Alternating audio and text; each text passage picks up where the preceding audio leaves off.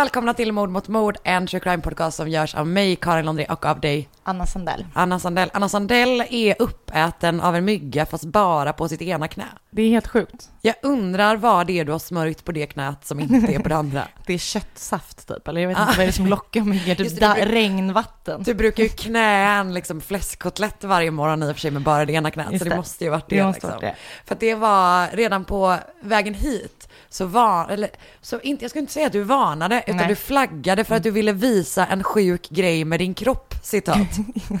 Men jag, ja, alltså jag har velat visa alla idag. Det var så kul bara att du redan, alltså det var liksom inte att du kom dit och så sa du så här, fan kolla vad många myggbett jag har, utan du bara, jag måste visa en Men för det ser ju grej. helt galet ut. Ja men det gör det.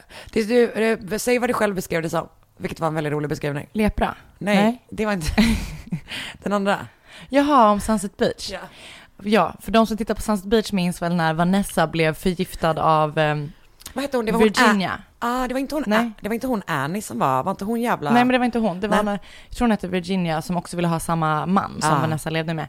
Så hon gjorde någon häxbrygd som gjorde att eh, Vanessa, hon var ju så himla snygg, hon Vanessa. Ja. Men hon fick så bölder i hela facet. Så ser jag ut fast på mitt knä. Och eh, jag kommer göra mitt bästa för att hitta en bild på Vanessa med bälder i sitt face och försöka lägga det i vår Facebookgrupp Mord mot mord podcast. Så det finns ju all anledning att vara med där. Mm. Verkligen. Om det inte är så att jag inte gör det, då kommer ni bli svinbesvikna. Skitsamma. Då kanske vi bara lägger upp mitt knä. exakt, det ser exakt likadant Vi kommer göra en sån lika som bär. Exakt. Annas knä och Vanessas face. Ja. Eh, vi eh, är för första gången någonsin... Hemma alltså, hos dig? Eller jag har ju varit här innan förstås. Mm. Men, och, men inte nog med att du, vi aldrig har spelat in här. Du har aldrig varit Det är helt sjukt. Men nu är jag här och det känns jättebra. Gör det det? Det är Ja. väldigt varmt. Det är så sjukt varmt. Ja, och jag kan berätta för dig att på vintern, otroligt kallt. Ja. Det är så här när man flyttar från innerstan, du vet. Du gör aldrig det. Du har ju aldrig upplevt det. Nej.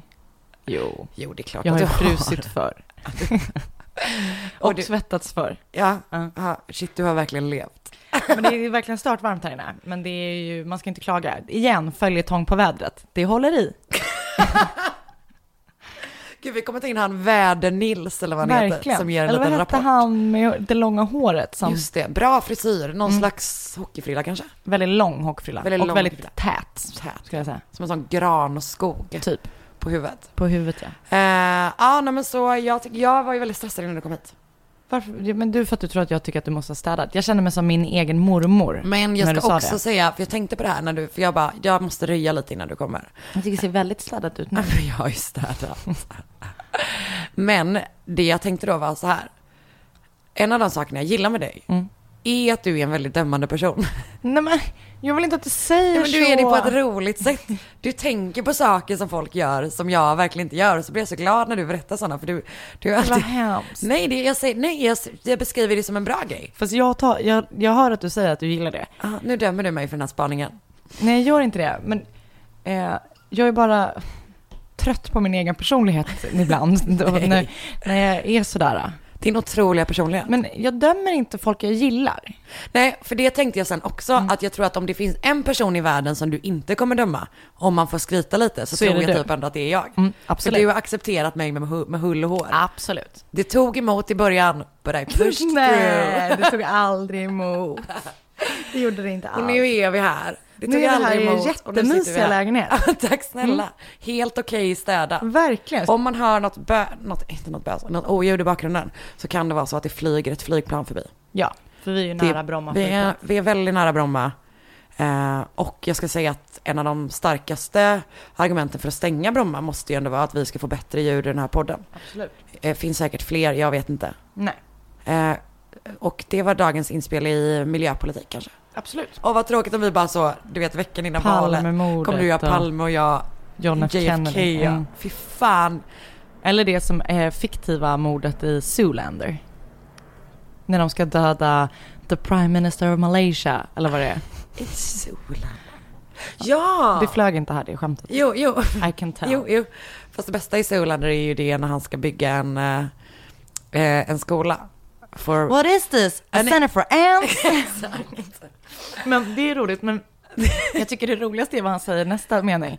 the center needs to be At least three times bigger than this. Väldigt roligt. För du vet vad, det tänkte jag att vi skulle göra lite grann nu när vi, för vi kommer ju under juli månad bara släppa varannan vecka. Ja. Så tänker jag att vi kan typ så här tänka lite grann till kring saker som man kan göra den veckan vi inte släpper. Då tycker jag, kolla på Zoolander, en ut, ett utmärkt förslag. Har ingenting med det vi pratar om Nej. att göra. Men ibland måste man bryta av med något som bara är skoj. Och det Zoolander. är fak- faktiskt en väldigt, väldigt rolig film. Sen har jag ett annat tips. Mm. Eh, som är att, eh, nu ska vi säga, det är tisdag om när vi, så vad fan är det, 3 juli, så det är ute innan Mm. det här avsnittet. Eh, så släpper You Must Remember This sin en ny säsong. Det är ju de som gjorde, Ja, just det handlar ju typ mycket om så här Hollywoods first Ja. century och så har de gjort typ en serie om Manson-familjen. De har gjort en skitbra serie som heter Dead Blondes som handlar typ om Hollywoods relation till eh, blonda kvinnor genom att man typ följer ett, ett antal eh, men blonda skådespelare som skådespelerskor som eh, dog på Mm. olika sätt liksom. Eh, så den, men de släpper en ny säsong och min bror taggade mig i en tweet där ehm, hon som är programledare skrev om, det, skrev om den nya sången och där skrev hon så här. The first episode deals with, with early 20th century culture wars, a powerful man's fe- fetishizing of his female teenage employees, and rumors of incest between two silent stars. Det lät maxat. Väldigt spännande. Så jag tänker att man kan, alltså att You Must Remember This, this är en ganska bra typ sommarpodd. För Mm. den är lite så mysig och berättande. Men det finns lite eh, true crime avsnitt. Ja. Och sen tänkte jag, för det var en person i våran Facebookgrupp som vill ha deckartips. Ja. Och jag undrar, du läser ju deckare, jag gör ju inte det. Nej. Så jag undrar om du har en, alltså en deckare du tycker man kan läsa på semestern. Ja. Jag har det. Mm. Och det här är ingen ny bok. Nej men det behöver det inte vara. Det är säkert många som har läst den. Men jag kommer säga den ändå. Skitsamma. Det är ju, som jag vet att du har läst också, för jag kommer välja, det här är en bred deckare. Mm. Störst av allt av Malin Persson Giolito, som är Leif GWs dotter. Alltså den är asbra den boken. Jag har typ, jag vet tagen av den boken. Ja. Eh, så om jag bara får ge ett så är det väl den. Ja, och den är ju, den är ganska spännande berättat för att man förstår redan från början att det är en person som har varit med om någonting. Mm. Och sen så nysta, det liksom berättas baklänges nästan. Ja. Den är asbra. Den är verkligen jättebra. Vad sa du att den hette igen? Störst av allt. Störst av allt. Vill också slå ett slag för, alltså den är, den är lite smart. Nu Aha. kommer jag ändå ge ett Skratt. eller två. Ja, nej, men, nej men den är kanske den är inte bara så här full on deckare Nej. kanske. För hon är ju jurist. Eller advokat Mm. i grund. Så den är lite så. Men jag kommer, ge, jag kommer säga också alla Kepler-böckerna. Ja. Fy fan vad de är spännande. Har inte läst en De enda. är så jävla läskiga och de är äckliga. Man fattar inte hur sjukt man kan skriva. Okej, så har du någon specifik av dem som du tycker eller ska man läsa alla? Nej men den första var sjukt spännande. Mm. Den heter Hypnotisören. Mm. Den är ju typ åtta år gammal nu, säkert mer. Så då har vi eh, två böcker. Vi har en podd Mm. och vi har även Zoolander. Ja, jag är lite besviken på mig själv med de tipsen, men det är fan mina bästa böcker. Ja men man får, Ja. och grejen är typ att så här, folk har inte läst eller hört eller sett allting som man Nej, själv har det är gjort. sant. Det är verkligen så. Det var ett sjukt, det var ju en tjej som frågade om tips i bo- podd, Ja. eh, i gruppen. Sen hade hon läst allt, absolut allt hade hon lyssnat på. Bara, du måste ge mig tips, inte tvärtom. Vad fan är det det är här? Nej, men, ja, hon skrev, hon la ju upp också en skärmdump på, ehm, ja, på böcker hon hade lyssnat på. Och det var typ 200 stycken. Vilken jävla king. Ja. Hon kan så Allt. mycket Ja. om påhittade fall.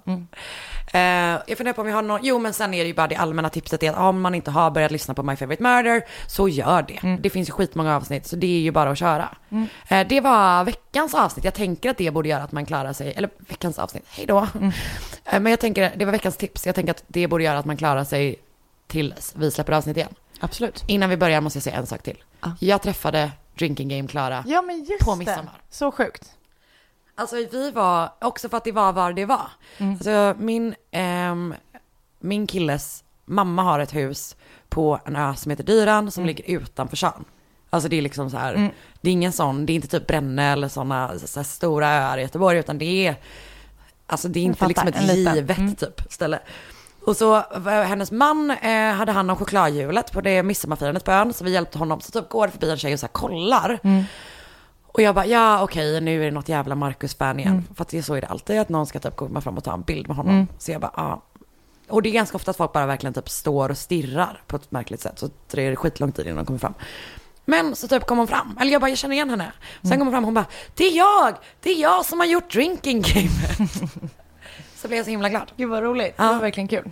Det var jätte, jätteroligt. Det gjorde mig glad. Jag hoppas att vi får träffa le- fler lyssnare. Verkligen. Marcus träffar våra lyssnare hela tiden. Ja, så men- varför kommer aldrig någon fram till oss? Varför kommer de bara fram till honom? Vi är mycket snällare. Nej, det är vi inte. Han är snällare. Okej, nu berättar vi om fall. Ja, Men du, nej. Vi ska ju för fan säga ord. just det. Oh my god, vad svårt. Um, Okej. Vi tar en liten stund och funderar. Okej, Okej. mina tre ord Ja. den här veckan. Hår, Oh. gardiner, Europa. Okej. ja, det här är bara att jag försöker göra det så svårt som möjligt. Verkligen. För att folk i vår Facebookgrupp är så jävla bra på att gissa. Det var verkligen helt sjukt. Hur snabbt gick det? För Ja, jag att vet. Gissa rätt. Det gör mig lite stressad. Så därför försöker jag, det här är bara, det här är en attack, en utmaning för dem Okej, som jag kanske ska göra lite samma då. Ja, ja, gud ja. Var otydlig som fan. Ehm, Folk älskar det. Okej. Jultomten. Skändning. Sexarbetare. Oj, vilken mörk kombination. Mm.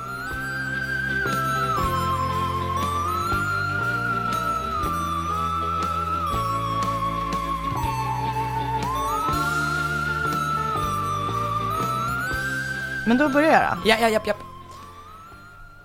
Eh, det här är ett tips som jag fått, ska jag säga. Mm. Ehm, På Instagram eller? På eh, Instagram. Och där skriver man till dig och du heter Attsanden Anna och jag heter att Karin Londre. Ja, och skriv inte i gruppen. Nej, skriv Helst. snälla inte i gruppen. Alltså, eller inte helst. Gör inte det. Gör inte till det. oss. För att då måste vi... eh, Vi kommer inte kunna ta något av de fallen Nej, som är där exakt. typ. Det är verkligen så. Så skriv till oss. För vi gillar tips. Vi älskar tips. Och man, jag lyssnar på dem. du, ja, gud ja, du gör ju som du blir tillsagd. Exakt. Mm. Så då börjar jag. Den 25 november 1946 föddes Richard Francis Cottingham i The Bronx, New York. När han var 12 år gammal flyttade Richard och hans två sy- Gud, det var som att jag se hur snabbt jag kunde prata. När han var 12 år gammal flyttade Richard, hans två syskon och deras föräldrar till Rivervale i New Jersey. 1964 tog han examen från Passac Valley High School och strax efter sin examen började han arbeta på Metropolitan Life Insurance Company, där också hans pappa arbetade. Och där tog Richard en tjänst som datoroperatör, samtidigt som han parallellt tog lite datakurser. Den 3 maj 1970 gifte sig Richard med hans flickvän Janet och de gifte sig i Our Lady of Lords Church i New Jersey. Tillsammans får de tre barn. I april 1979 ansöker Janet om skilsmässa från Richard. Richard har nämligen, som många andra män före honom och kvinnor, haft utomäktenskapliga relationer. Han har eh, vägrat ha sex med henne sedan 1976. Och han har dessutom blivit sedd på olika gaybarer runt omkring där de bor. Fråga. Mm. Vet man om han haft utomäktenskapliga affärer med andra män? Nej, det, det vet jag inte. Nej, Men okej. troligtvis så Ja. kanske man skulle tro det. Ja. Ehm, och det är ju inte så härligt, men det kanske inte är konstigare än vad många andra har gjort. Eh, så att det är egentligen inget superkonstigt med honom, men som vi vet så kan ju skenet bedra. eh, för mellan 1967 och 1980 härjade en mördare som kallades för The Torso Killer, eller The Times Square Butcher, eller varför inte The, Square, The Times Square Torso Ripper. Och mördaren var då ingen annan än Richard Francis Cottingham. Oh, men The Torso Killer, alltså det känner man ju igen. Ja. Men jag vet ingenting eh, mer än typ namnet liksom. Nej. Oh, spännande. Så han har mördat sex personer som man vet om, men man tror kanske upp till hundra. Ehm, och han åkte fast någon gång 1980. Men nu ska jag berätta vad som hände innan det. Han åkte fast. Den 2 november 1979 kallades en brandman eh, i New York till ett litet pissigt hotell i närheten, eller motell i närheten av Times Square. Vilket ju i sig är typ den värsta platsen i New York. Jag har aldrig varit i New York. Du har bott i New York. Ja. Men alltså det är ju fantastiskt, på ett sätt är det ju väldigt coolt. Men det är också nedgånget Men det är så jävla hemskt där Ja. också. Och så mycket folk och sådär. Ehm, och när de kom, de kallades ju dit för att det brann på motellet. Men när de bröt sig in också för att bekämpa branden så upptäckte de något mycket värre än bara brand. För liggandes på sängen i ett rum så ligger eh, två döda kroppar utan huvuden. Och kropparna också, de har inte bara fått sina huvuden borttagna utan de har också blivit av med sina händer. Så kropparna har blivit dränkta i tändvätska och påtända, eh, vilket gjorde identifieringen av kropparna extremt Såklart. svårt. Utan händer och sådär, utan huvud och dessutom brända. Och tyvärr så hittade man heller aldrig de kroppsdelarna som saknades. Så att de hade bara då de här kropparna, liksom ofullständiga kropparna. Så när polisen skulle identifiera dem eh, så hade de ju en liten uppförsbacke. Ehm, så de bestämde sig för att röntga kropparna. Vet inte varför. Men det kanske är, jag tror inte att det är någonting man gör när man gör... Säkert, men jag vet inte vad en röntgenbild kan visa som är så här, det här är Karin. Nej, men tror ni inte att det... Just det, är Karin som har så krulliga revben. Exakt. Eh, nej men jag tänker att eh, det är väl bara, det, jag tror inte bara det är standard. Att man gör Säkert. det med liksom eh, under en eh, obducering typ. Eller en autopsigrej. Jag vet inte, jag hittar ju på som vanligt. Men för att det, det kanske är standard att man gör det, men jag fattar inte hur det funkar att man Aha, för nu identifieras. kommer... För att en av kropparna identifierades genom den här röntgen. Och det var då den 22 år gamla Didi Goodsari, som ursprungligen hade kommit från Kuwait. Eh, och hon hade flyttat till USA där hon arbetade som sexarbetare. Den andra kroppen blev tyvärr aldrig identifierad. Fråga. Mm. Tror du att det är typ att man kan så här, i och för sig, hon kanske inte hade så mycket socialt skyddsnät, jag tänker om man typ, eller så mycket skyddsnät om man tänker att hon är i USA. Men annars tänker jag att, tror att man typ kan jämföra så här, missing, missing persons report, se vad de hade för, alltså du vet, ja ah, men hon hade det här benbrottet. Kan Jag det vet, någon det måste ju vara grej, någonting typ? sånt, men det verkar så otroligt konstigt. Ja. Men uppenbarligen Och så typ- funkar det. Väl, alltså även för den tiden känns Mm. det väldigt, um, Före sin mm, tid. verkligen. Eh, men den andra kroppen blev som sagt då aldrig identifierad. Men utredarna som sattes på det här fallet kopplade ihop det här jätteläskiga fallet med ett fall som de hade sedan tidigare. För i januari samma år hade en ung tjej, hon var bara tonåring, som också arbetade som sexarbetare, som hette Helen Sykes, försvunnit. Hon hade också försvunnit i närheten av Times Square och när hon väl hittades så var hon eh, tyvärr död. Eh, hon hade blivit brutalt mördad och hennes huvud eh, satt knappt fast vid kroppen när de hittade henne och hennes ben hade blivit avhuggna. Och benen hade inte legat på brottsplatsen där liksom resten av kroppen hittades eh, utan hade blivit bortforslade därifrån.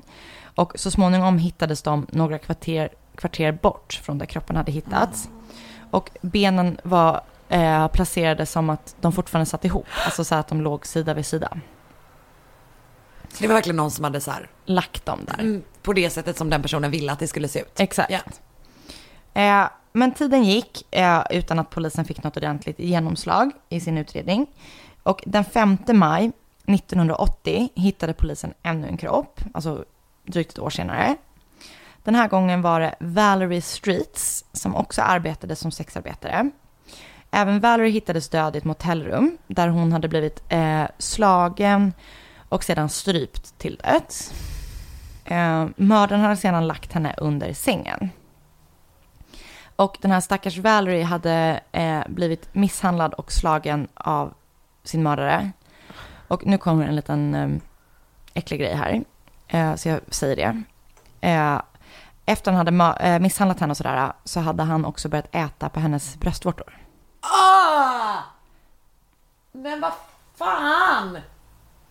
Ja, Han hade jätteäckligt. tuggat loss liksom. Ah, jag kräks. Jag vet. Ah, det är så äckligt.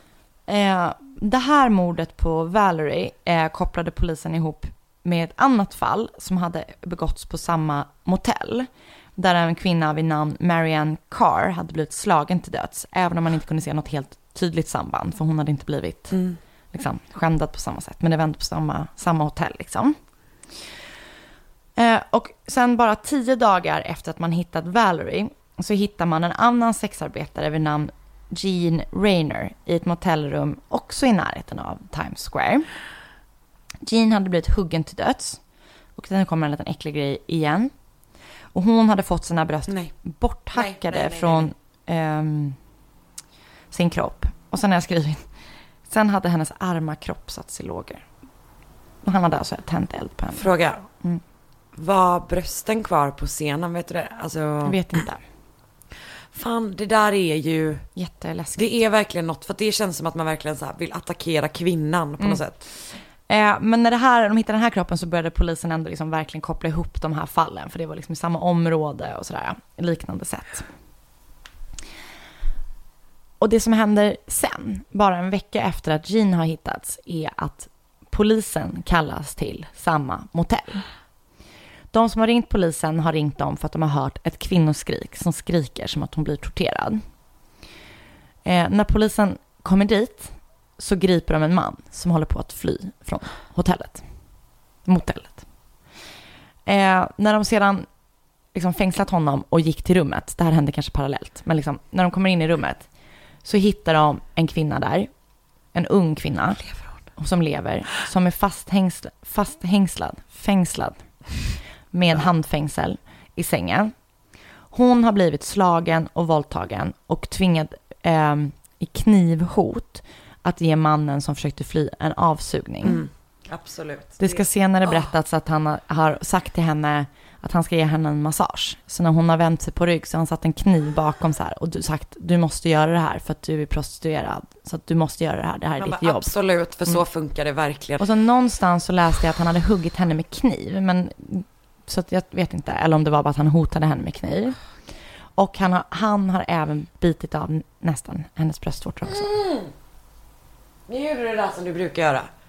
Ja, När du säger med en sån van, något så himla äckligt med en sån Förlåt. vanlig röst. men hon lever i Ja, alla fall. ja, ja, det- och det gör mig jätteglad. Mm. Men jag tycker det är något så, alltså du vet jag får brösten, jag liksom vet, ont i pattarna Mm. när jag hör det. Jag vet. Aj, aj, aj, det kluckar i rören. Men det är väl inget att bry sig om? Jo, då är det dags för de gröna bilarna. Spolarna behöver göra sitt jobb. Spolarna är lösningen. Ah, hör du? Nej, just det. Det har slutat. Med Hedvigs hemförsäkring är du skyddad från golv till tak oavsett om det gäller större skador eller mindre olyckor. Digital försäkring med personlig service, smidig hjälp och alltid utan bindningstid. Skaffa Hedvig så hjälper vi dig att säga upp din gamla försäkring. Hedvig hemförsäkring, ett klick bort. Dåliga vibrationer är att skära av sig tummen i köket. Ja! Bra vibrationer är att du har en tumme till och kan scrolla vidare. Få bra vibrationer med Vimla. Mobiloperatören med Sveriges nöjdaste kunder enligt SKI. Och mannen som de grep då var ju såklart ingen mindre än Richard Cottingham. Och vid första anblick så hade han nog inte uppfattats som en klassisk misstänkt seriemördare. För han var en så kallad respected family man Mm, från New Jersey. Han jobbade med datorer på något stort försäkringsbolag som jag sa innan. Eh, men å andra sidan, så när han väl greps så hade han på sig handfängsel, en gagball i läder, två sådana här slavkragar hette det. Men jag googlade vad det var. Det är sådana klassiska BDSM med läder och Ja. sånt ring. Så här. Ja, men som ett hals, alltså som ett liksom... eh, Ett hundkoppel typ. Ja. Han hade också en stilettkniv, en låtsaspistol och massa olika piller. Eh, och Jag gillar inte honom. Nej, inte jag heller. Och när polisen gick igenom hans hem så hittade de ett helt sjukt troférum där de hittade saker som tillhörde flera av kvinnorna. Vet inte exakt vilka saker. Mm. Inga huvuden och så i alla fall. Nej. Nej. Skönt. när Cottingham satt i häktet så slog han sönder sina glasögon och försökte skära upp sina handleder med glaset. Tönt. Han misslyckades med det försöket och resultatet blev bara att han fick gå utan glasögon under en längre period. Det blir jag glad av. Ehm, han försökte ta sitt liv två gånger utöver den här gången. Mm. Han blev till slut åtalad för sexmord och bortförande och, nej, för sexmord men också för bortförande och våldtäkt på tre överlevande offer. Varav två också var sexarbetare och en var en hemmafru. Och i maj 1981 dömdes han på 15 åtalspunkter till 173 till 197 år i fängelse. Och han sitter där han sitter gissar jag. Ja, han lever fortfarande. Han lever. Och han ser ut som en jultomte. Han har sånt här stort vitt skägg. Alltså han ser ut som en, Fy fan, Han ser ut som en- vilken antingen- luring. han ser ut som antingen en asläskig mördare eller bara en helt vanlig gubbe. En helt vanlig jultomte. Vad sa du att han hette? Richard Cottingham. Han ser 100% ut som en jultomte. Han är en perfekt jultomte. Eller hur? Alltså jag, men gud. Det är jultomten. Vet du vad han ser ut exakt som? Mm. Det finns en julfilm där jultomten trillar från ett tak. Och så måste Ja! pappan ta över. Ja, jag minns. Han ser ut som den jultomten som trillar från taket. Exakt så. Det är många lika som bär i det här avsnittet. Verkligen. Jag blir alltid så jävla, alltså man blir alltid så jävla lack på typ, folk, alltså man blir ju lack på folk som mördar i allmänhet. Men just Men när- mer lack på an- vissa alltså. På Ja, riktigt. exakt. Och att man är så här. Det är så tydligt varför de väljer den typen av offer de väljer. Det är typ för att de tycker att så här, det, Mm. Det spelar värt. väl ingen roll. Det är som folk som mördar u- eh, hemlösa. Ja, ja exakt. Och typ, ja, men som att sexarbetare är superutsatta liksom. Och det är så här, även den grejen. Man bara, ja ah, okej, nu jobbar hon med det. Det betyder ändå inte att du Nej, äger henne alltså och får göra vad hon vill. Liksom. Göra vad du vill. Alltså det är... Ja, och så är det det där med brösten alltså. Det, ja, mm. Ja, jag vet. Det är jävligt läskigt. Väldigt äckligt. Fan, man får inte hålla på och äta folks bröstvårtor. Nej. Jag tycker verkligen att vi måste, du och jag måste, Mm. det är dags, det är ändå en politisk fråga jag känner att du borde vara med på. Ja. Om det är något jag ska driva så är det väl det.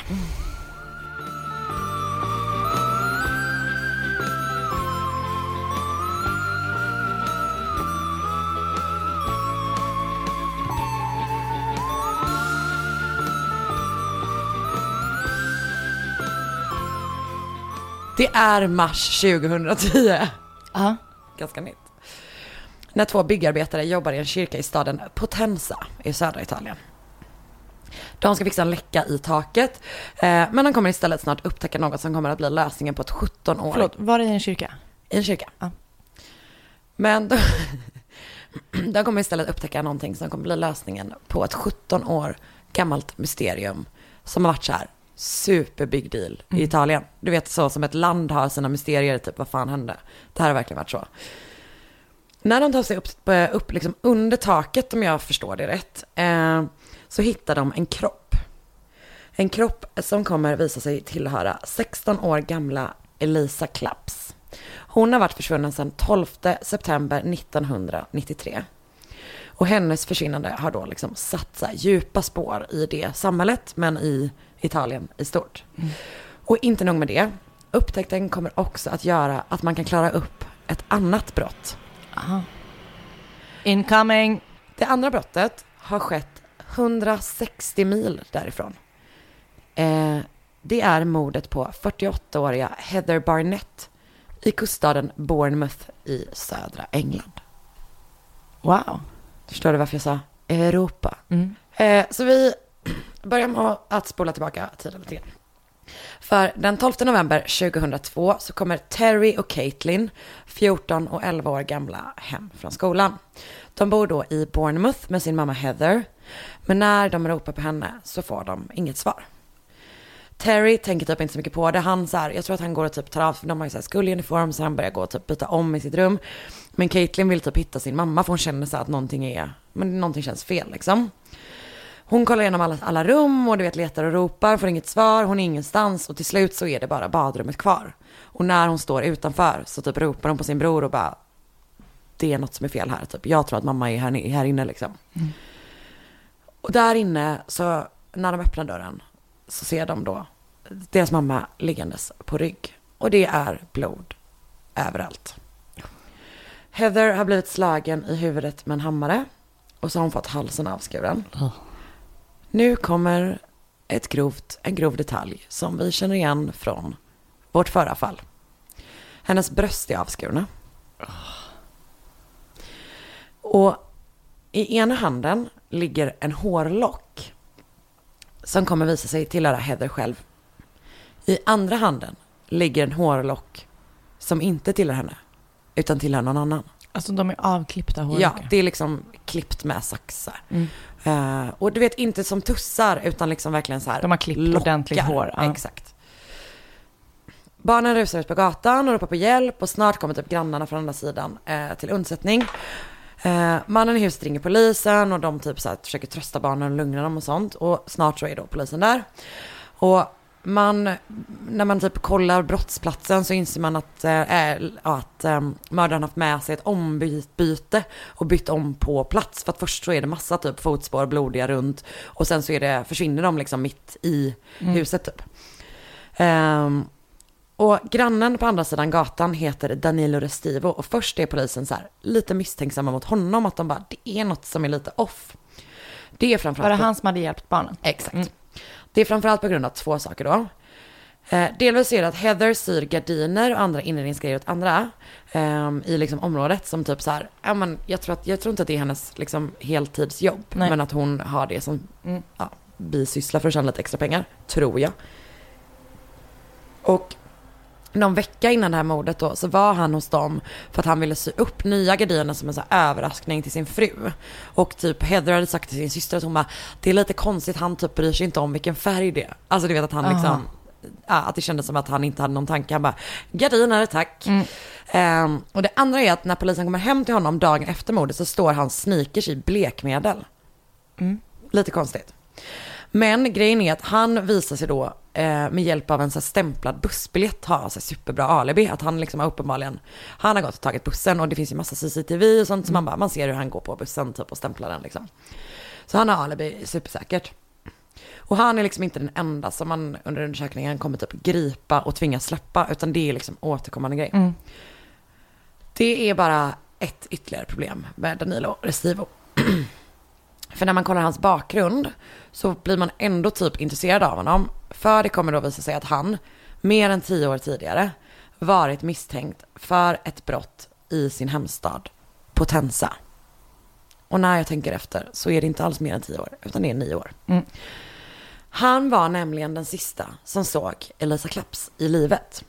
Hon var då yngst av tre syskon och planerade att läsa till läkare för att kunna jobba med lä- för Läkare Utan Gränser. Hjärtat. Verkligen. Eh, Steve var kär i henne och hon typ hade så här avvisat honom flera gånger. Eh, men han typ hörde av sig och bara, jag har en present till dig så typ, vill du ses? Och hon tyckte typ synd om honom. Alltså så här, ehm, det, hon, det man har typ läst i hennes dagbok att så här, hon tyckte verkligen, han hade typ inga kompisar, hon tyckte han var lite konstig, hon tyckte synd om honom. Och det visar sig också att han, när man undersöker det här då, så visar det sig att han har gjort den här grejen mot typ flera kvinnor, att han bara har varit sjukt på dem, blivit avvisad och sen typ varit så här, vill jag ha köpt en present till dig? Du vet att det liksom är så här, att han försöker ändå komma åt dem typ.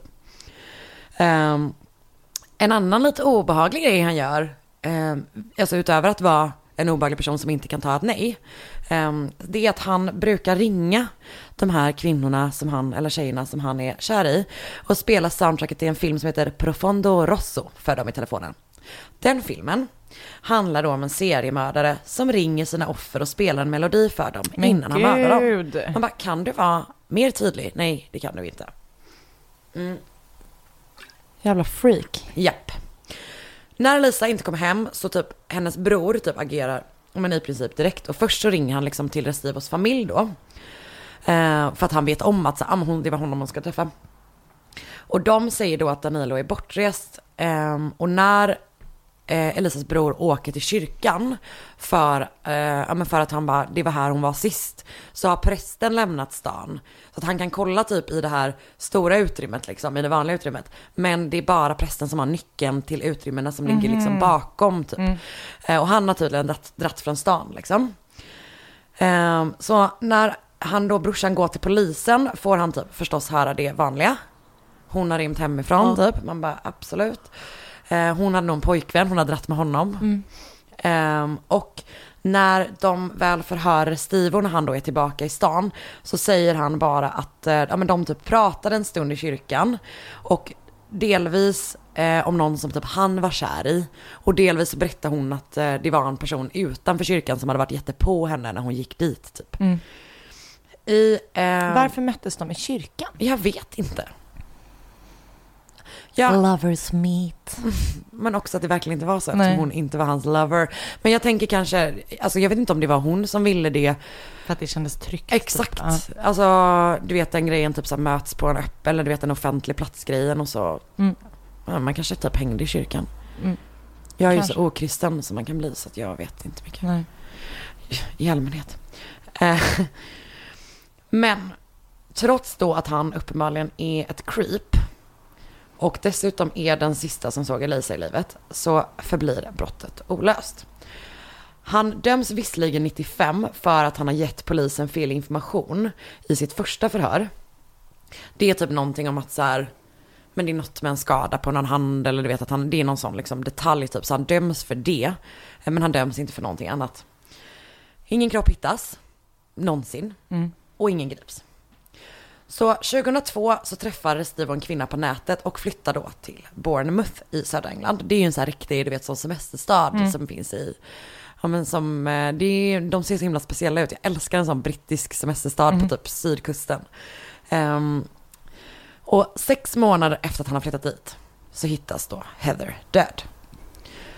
Så polisen i England upptäcker det här i hans bakgrund, upptäcker det här med gardinerna, blekmedlet, bla bla bla. bla. De börjar övervaka honom. Mm.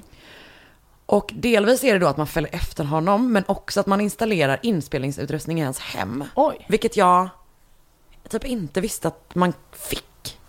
jag har ingen aning, men det känns som att man måste ha jättestarka liksom, ja, och det känns det inte som att de har. På... Men undrar om det är skillnad i och med att övervakning verkar vara lite mer Okej chill där, med ja. i allmänhet i England. Mm, det kan jag vet inte, vara så. men de säger att de liksom att de Aha. installerar det.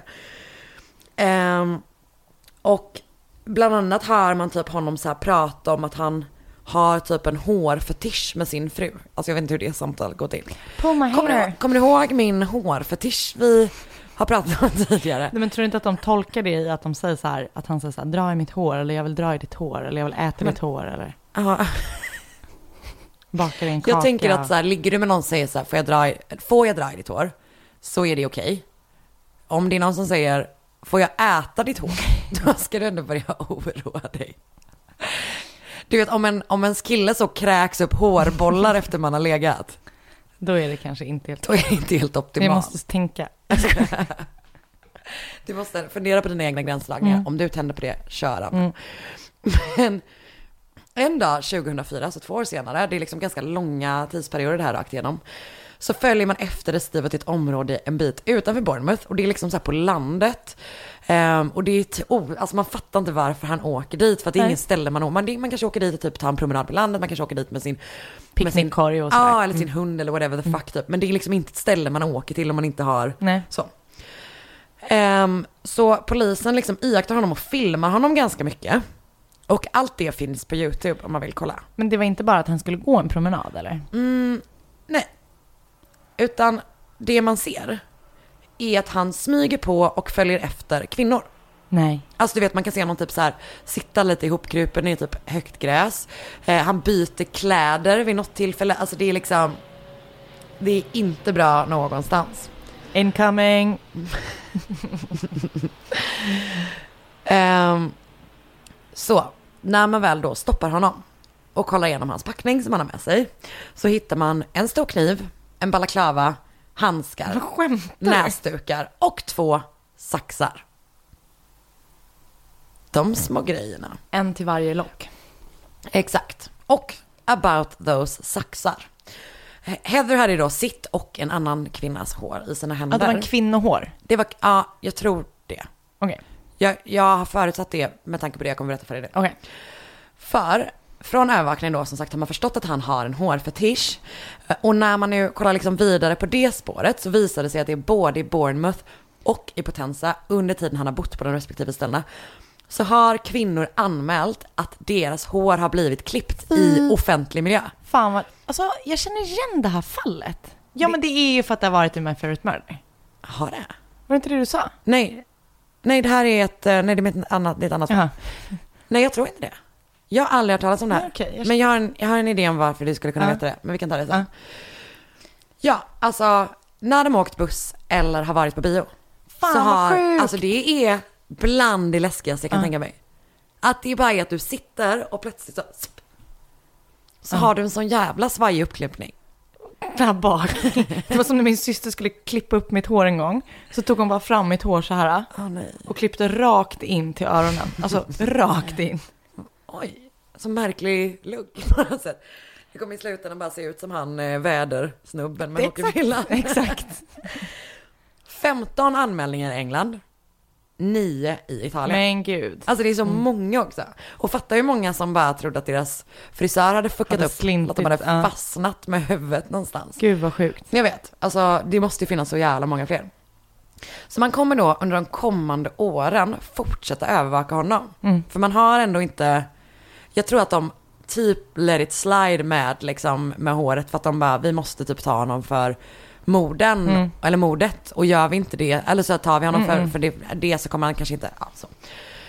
Eh, och emellanåt typ under den här perioden så förhör man honom också. Men han fortsätter typ hela tiden bara, jag är superoskyldig. Det finns inga, egentligen inga tydliga bevis som binder honom till Heathers hem liksom. Nej.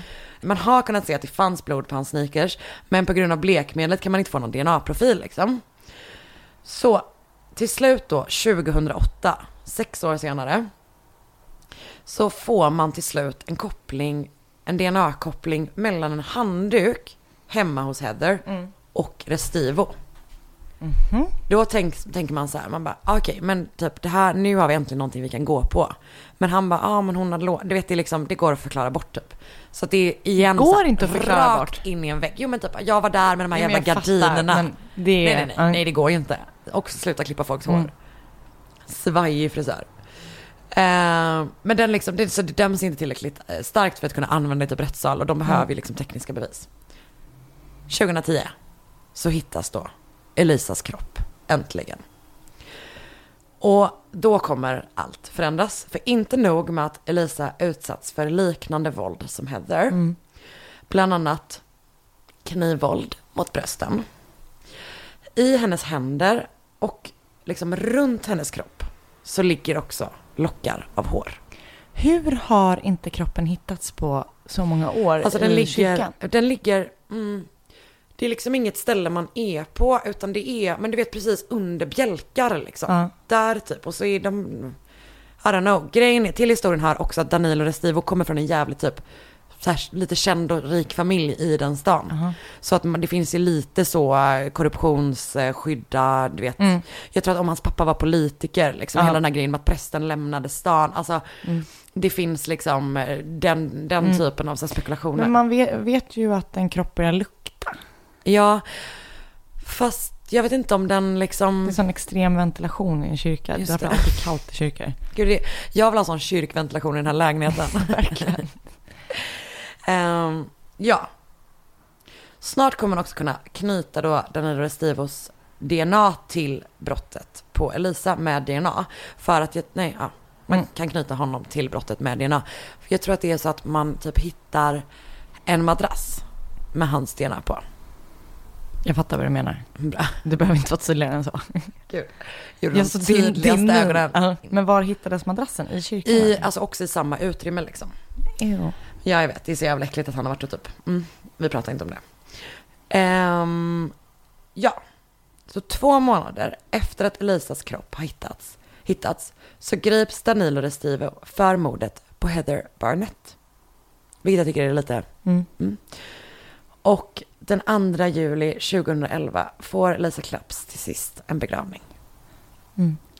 Under rättegången då, som är den brittiska rättegången, så bestämmer man eh, att rätten faktiskt kommer få höra om mordet på Elisa. Att det liksom är så här, ändå styrker. Eh, och man ska typ så här förhöra om de bevis som knyter honom till det fallet. Man lyckas också få hål på hans alibi.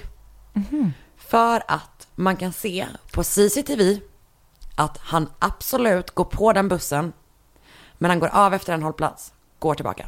Men den här finns i ett avsnitt på Netflix. Ja! det är det jag har det är sett. där det är. Mur- Netflix Murder, Murder Files. Det är det allra första avsnittet av Murder Files. Det är det jag har sett. Oh my god. Det är så kul att jag inte kopplade det förrän nu. Ja, men det var också det jag tänkte jag bara, du har sett det här. Ja. En ganska bra serie. Det är verkligen det. ja. Ja. Det är ett ytterligare tips. Mm. Murder Files på Netflix. Ett, ett avsnitt om varje Men fall. det är så jävla sjukt fall. Jag vet, det är helt, helt sjukt. Han får en livstidsdom i maj 2011. Nej, han får en livstidsdom och i maj 2011 så överklagas den. Eh, och då får han också rätt, hans straff sänks. Jag tror att det är någonting just med det här, så här var, varför pratar vi om det här Ah, ja. andra fallet i Italien? Det är ändå ganska, det var typ en ganska stor del av bevisningen typ. Eh, och i november 2012, tio år efter mordet på Heather, döms han då till 40 års fängelse. Men det är typ någon sån här, jag fattar, du vet, när man läser om fall, man är ganska van att läsa om amerikanskt rättssystem, men det är alltid svårt när man går över till något annat land typ. Så det är något så att det är en livstidsdom, men det är 40 år, mm, mm, mm. Han kommer alltid sitta, men du vet så liksom. Det kanske är sånt förvar. Ja, eller typ om det är tids... Ja, jag fattar inte riktigt. Det, det är liksom eh, livstidsdom fast det är 40 år. Alltså det är typ tidsbestämt livstidsstraff redan från början, tror jag. Han döms också i Italien eh, till 30 års fängelse i deras högsta domstol. Där verkar han inte ens vara med under rättegången. Alltså det är bara, jag googlar skitmycket på det. Jag bara, men vad händer i det italienska rättssystemet då? Typ? Och jag läste som sagt ganska mycket om vad som händer med honom nu och typ hur det funkar när två länder dömer en brottsling. Så här, vem, får, vem får honom? Eh, och initialt såg det ut som att han skulle bli kvar i England. Men nu verkar då England vilja utvisa honom till Italien. Där han ska sitta av både sin brittiska och italienska dom. Men det vill typ inte Italien. De vill inte heller ha honom förstås liksom. Han vill inte heller det eftersom han tycker att det förvägrar hans rätt till familjeliv. Så. Jag har inte lyckats hitta någon update om typ hur det går. Han var kvar i England hösten 2016, det är det sista jag vet. Men det jag tycker är så sjukt med det här fallet är så här, det här kan ju inte vara en person som bara mördar två personer. Nej, Alltså det kan ju inte vara det. nej antagligen inte. Och man lyckades aldrig ta reda på vem den andra locken i Heathers händer tillhörde. Det var väl någon stackars kvinna som blev ett klipp på bussen bara. Jo fast jag tror att man, ja kanske som inte hade anmält då. För att annars skulle man tro, det jag skulle tro är att eh, han, om han nu har mördat flera personer, Ja. lägger, han mördar dig först, Mm. klipper ditt hår. Ja.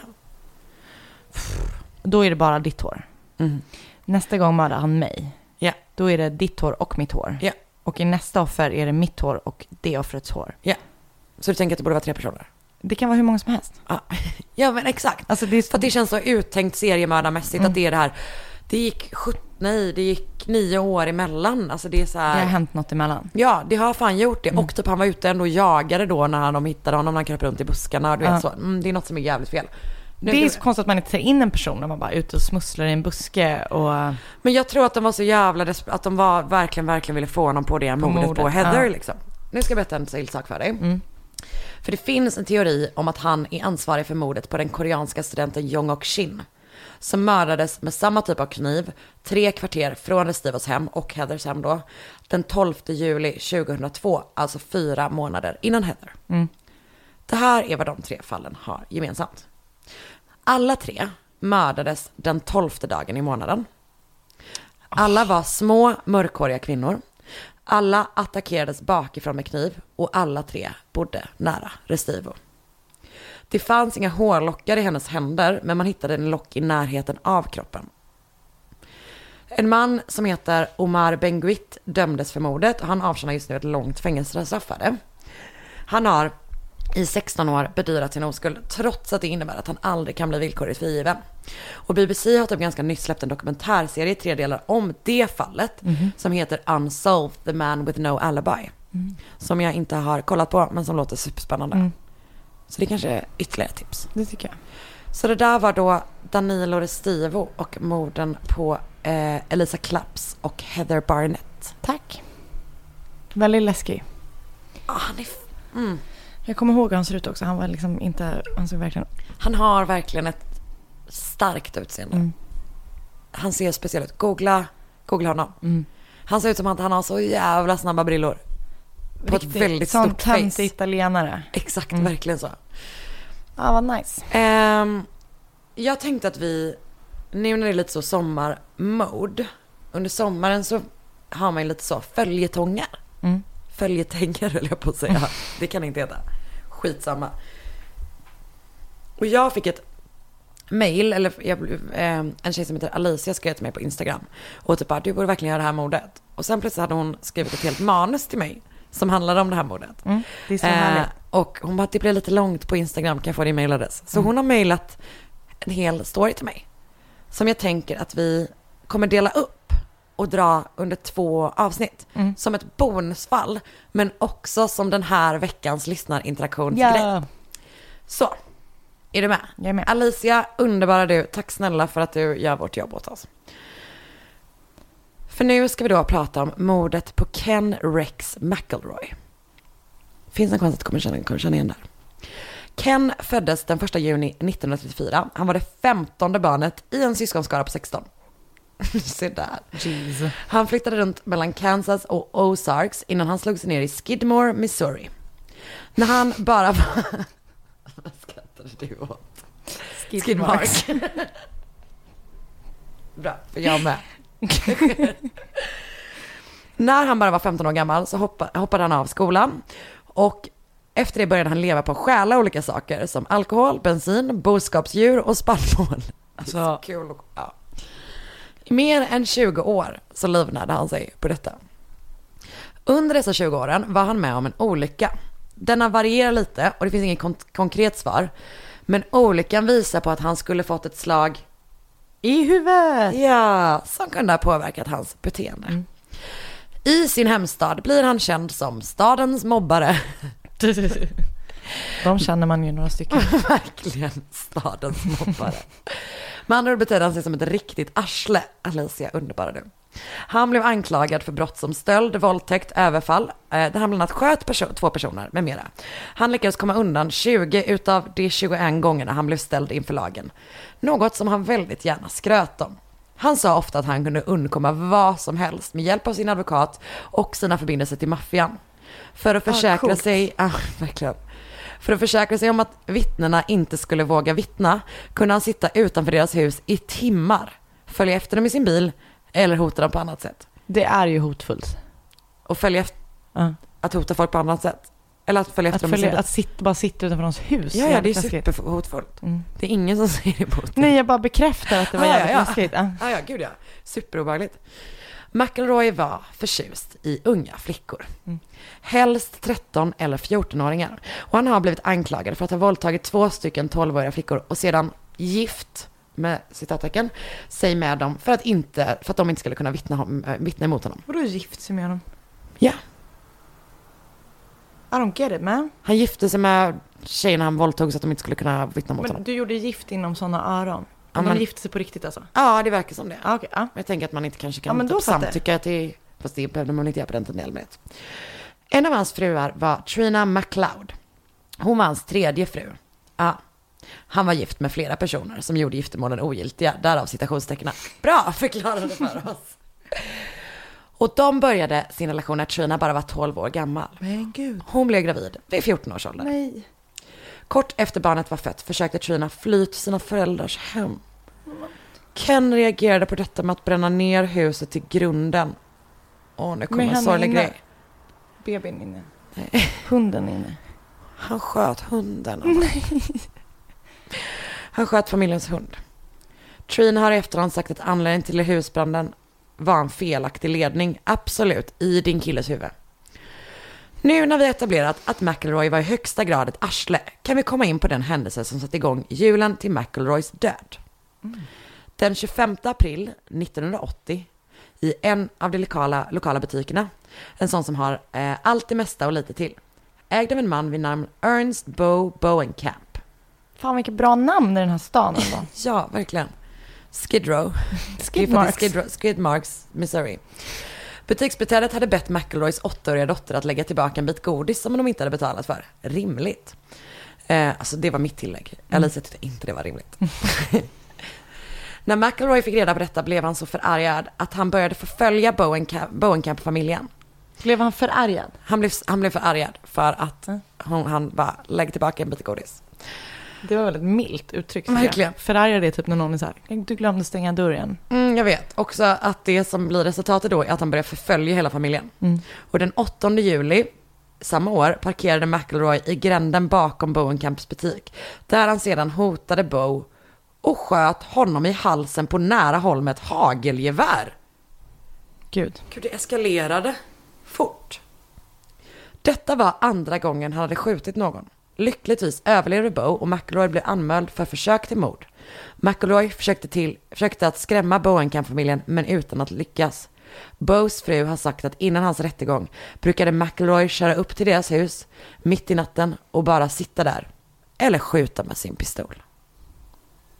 Och eh, jag tänker att vi Pausa stannar där. där, Ja. så får vi reda på vad som hände med eh, Bo Boingmore och Bo- Macklemore. Ken Rex McElroy Skidmark, Missouri eh, nästa vecka. Kul. Eh, tack för att ni har lyssnat. Tack. Vi tycker om er. Tycker om dig Anna. Tycker om dig också. Yay! Yay! Dåliga vibrationer är att skära av sig tummen i köket. Ja! Bra vibrationer är att du har en tumme till och kan scrolla vidare. Alla abonnemang för 20 kronor i månaden i fyra månader. Vimla! Mobiloperatören med bra vibrationer.